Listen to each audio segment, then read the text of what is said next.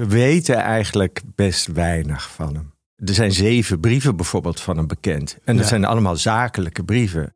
Ook al ben je dagelijks bezig met het werk en het leven van Nederlands bekendste schilder ooit, zoals Epco Runia dat doet, dan nog blijft het gissen. Dus dat is niet zoals bij Van Gogh, waar je gewoon een idee krijgt van zijn innerlijke wereld, omdat hij het allemaal opgeschreven heeft en gedeeld heeft met zijn broer.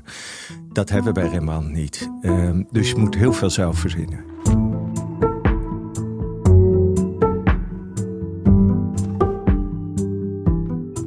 Dit is Het Geheim van, een podcast van Nationale Nederlanden, partner van het Mauritshuis. Mijn naam is Splinter en in deze podcast ga ik op zoek naar het geheim van het wereldwijde succes van Nederlandse kunstenaars. In deze aflevering het geheim van Rembrandt.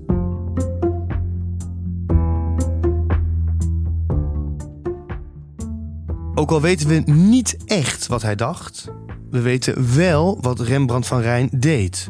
Schilderen, schilderen en nog eens schilderen, zo vertelt Epco Runia van Museum Rembrandthuis mij. Als klein jongetje al had Rembrandt, geboren in 1606 in Leiden, maar één doel. Ik wil schilder worden. En daar moest alles voor wijken. Het is een beetje een eigenzinnige, Mhm. beetje irritante kerel ook wel, denk ik. eh, die eigenlijk heel monomaan is. Dus die alleen maar met zijn werk bezig is. En altijd met de kunst. Als we ook kijken wat voor vrienden die heeft, met wat voor mensen die nou nauw omgaan, dat zijn allemaal kunstenaars, verzamelaars of eh, mensen die schrijven over kunst. Eigenwijs, koppig en niet van zijn koers af te brengen. Als jonge tiener gaat Rembrandt in de leer bij een andere Leidse schilder. Alles om tot dat ene doel te komen. Maar ook dan kiest hij zijn eigen pad. We weten ook, hè, dat schrijven mensen over hem als hij nog jong is, dat, ze, dat hij weigert om naar Italië te gaan. Wat heel veel jonge kunstenaars deden, om daar ja, die, die grote Italiaanse kunstenaars en die klassieke oudheid te leren kennen. Dat doet hij jammer niet. Hij, hij vindt het niet nodig, eh, wordt er dan over hem gezegd, omdat er heel veel kunstvoorwerpen in eh, Holland te zien zijn.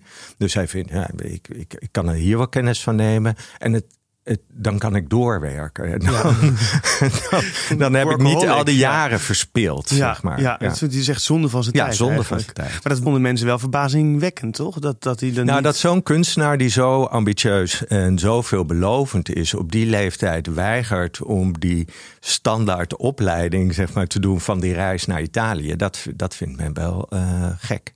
Als hij begin twintig is, maakt hij de stap naar Amsterdam, waar zijn schilderkunst meteen aanslaat. Epco neemt me mee het werk van Rembrandt in. Want wat maakt een schilderij nou een Rembrandt?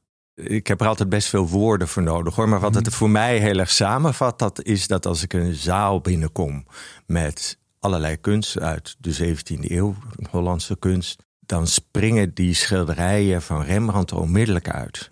Je hebt het gevoel van, oh, daar is hij, hè, daar hangt echt iets. En hoe komt dat? Dat zit hem een beetje in het licht. Hij maakt van het hele spannende, dramatische eh, licht, waarbij heel veel in de schaduw verdwijnt, maar juist de hoofdzaken ook naar voren lijken te komen, omdat die in het licht staan en die beschenen worden in de spotlight. En eh, dat, dat geeft ook een soort 3D-effect. Hè? Daardoor heb je ook het gevoel dat er dingen uit dat schilderij komen. Dat mensen die er zijn weergegeven eigenlijk ja, in onze ruimte staan. Het leven beweegt eigenlijk. Het beweging zit er heel vaak in, in. Dus praten, hebben expressie. Sommige mensen hebben ook echt hun mond open, hebben hun wenkbrauwen zo. Rembrandt schildert heel vaak wenkbrauwen die omhoog staan. Ja, oh, en dat zo? doen we te- als we aan het praten zijn. Dan, Ja. dan doen we onze wenkbrauwen omhoog. Dat maakt echt dat je een gesprek inderdaad hebt, als het ware, met zo iemand die daar is weergegeven. Eh, g- handgebaren zie je heel veel. Dat soort trucs om die wereld van het schilderij samen te laten voegen met de wereld van, van de kijker, van jezelf.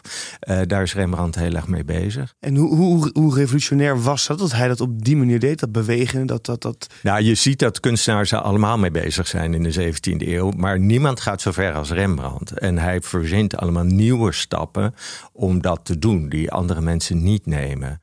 Naast het combineren van al die technieken doet Rembrandt nog iets. Hij experimenteert met het materiaal zelf, met zijn verf dus. hij benadrukt heel erg dat het schilderij ook gewoon verf op doek is. Mhm. Je ziet gewoon de verf zitten. Ja, En dat is ook een van die hele bijzondere dingen bij Rembrandt. Dat je dus eh, van dichtbij ja, die, die verfstreken ziet, de opbouw ziet. Hè. Je ziet heel veel transparante lagen, dus er Ja. schemert altijd nog wat doorheen. Op sommige plekken is de, de, de, de onderlaag, eh, de grondlaag van het schilderij nog te zien. Eh, dus je kunt helemaal volgen hoe Rembrandt het geschilderd heeft. Neem je afstand, dan smelt dat allemaal samen tot, een, tot de voorstelling, tot, tot dat gezicht tot van, van, van een geportretteerde bijvoorbeeld. En dat is een heel spannend ding. Je kunt de hele tijd heen en weer gaan van hoe heeft hij het nou gedaan? Wat gebeurt er nou precies? Waar, Ja. waar kijk ik nou naar? Oh, wacht, dit is een neus. Oh, oh, oh, maar dit is gewoon verf. De eerste tien jaar van zijn tijd in Amsterdam is hij de society-schilder van de stad. In de Gouden Eeuw bulkt Amsterdam van het geld en iedereen wil werk van die briljante schilder. Iedereen wil een portret geschilderd door Rembrandt aan de muur hebben. En daarnaast wil de tal van jonge schilders bij hem in de leer. En zo ontstond er bijna een soort schilderfabriek die Rembrandt van Rijn heette. En onze geliefde schilder wist precies hoe hij zijn naam te gelden moest maken. Hij ondertekende zijn schilderij ook met zijn voornaam. Hè? En dat deden alleen echt de allergrootste kunstenaars die, over Ja, dat kennen we van Michelangelo Ja. en van Raphaël. Dat, Ja. hè, dus die Italianen die waren daarmee begonnen om hun voornaam zo Ja. eh, prominent in beeld te brengen. En Rembrandt doet het ook omdat hij gewoon in dat rijtje vindt dat hij in dat rijtje thuis hoort. Ja. Dus dat is echt marketingstrategie. Heel slim eigenlijk. Hij wist goed wat hij deed. En hij had natuurlijk een goede voornaam. Dat- Ja, als hij Jan ook had lekker. geheten, dan weet ik niet of het gewerkt had. Werkt het minder goed, denk Ja. ik, ja. Toch gaat Rembrandt door verschillende oorzaken failliet. Verliest al snel zijn vrouw en eindigt hij als een berooid man. Ondanks de misère blijft Rembrandt een geliefd schilder en weet hij twee eeuwen na zijn dood de wereld te veroveren. In de 19e eeuw zie je dat Nederland voor het eerst een natie wordt. Hè? En dan hebben we een soort van gemeenschappelijke held nodig. En daar kun je natuurlijk de koning, het koningshuis speelt die rol, maar Rembrandt krijgt die rol ook. En Rembrandt is heel veilig, want hij is niet eh, omstreden. En ehm, dus een kunstenaar kan je heel goed nemen als een soort nationale held. Ja. En Rembrandt is des te aantrekkelijker, omdat men dan dus ook eigenlijk in Rembrandt een soort vertegenwoordiger van die typisch Nederlandse volksaard ziet. Het, wat wij Nederlands vinden is eigenzinnigheid. We gaan gewoon onze eigen gang. We zijn niet intellectueel, we zijn gewoon kooplieden, we zijn praktische mensen, pragmatisch, we eh, recht voor zijn raap, ongepolijst. Nou, al die dingen komen samen in Rembrandt eh, en in dat werk en in zijn biografie. Dus eh, ja, dan heb je echt de, een, een goede held van het land. Dat maakt dat je gewoon wereldberoemd kan worden. Wereldberoemd en in alle grote wereldsteden te zien, maar zijn mooiste werk hangt toch gewoon in Nederland. Dus als je in het Mauritshuis loopt en je ziet vanuit een ooghoek een Rembrandt, dan heeft Epco nog wel een tip om zijn geheim te ontrafelen. je ziet dat Rembrandt eigenlijk dingen heel vaag laat. De, de, de vormen laat hij vaag, maar ook die emoties die hij weergeeft, laat hij vaak een beetje in het ongewisse.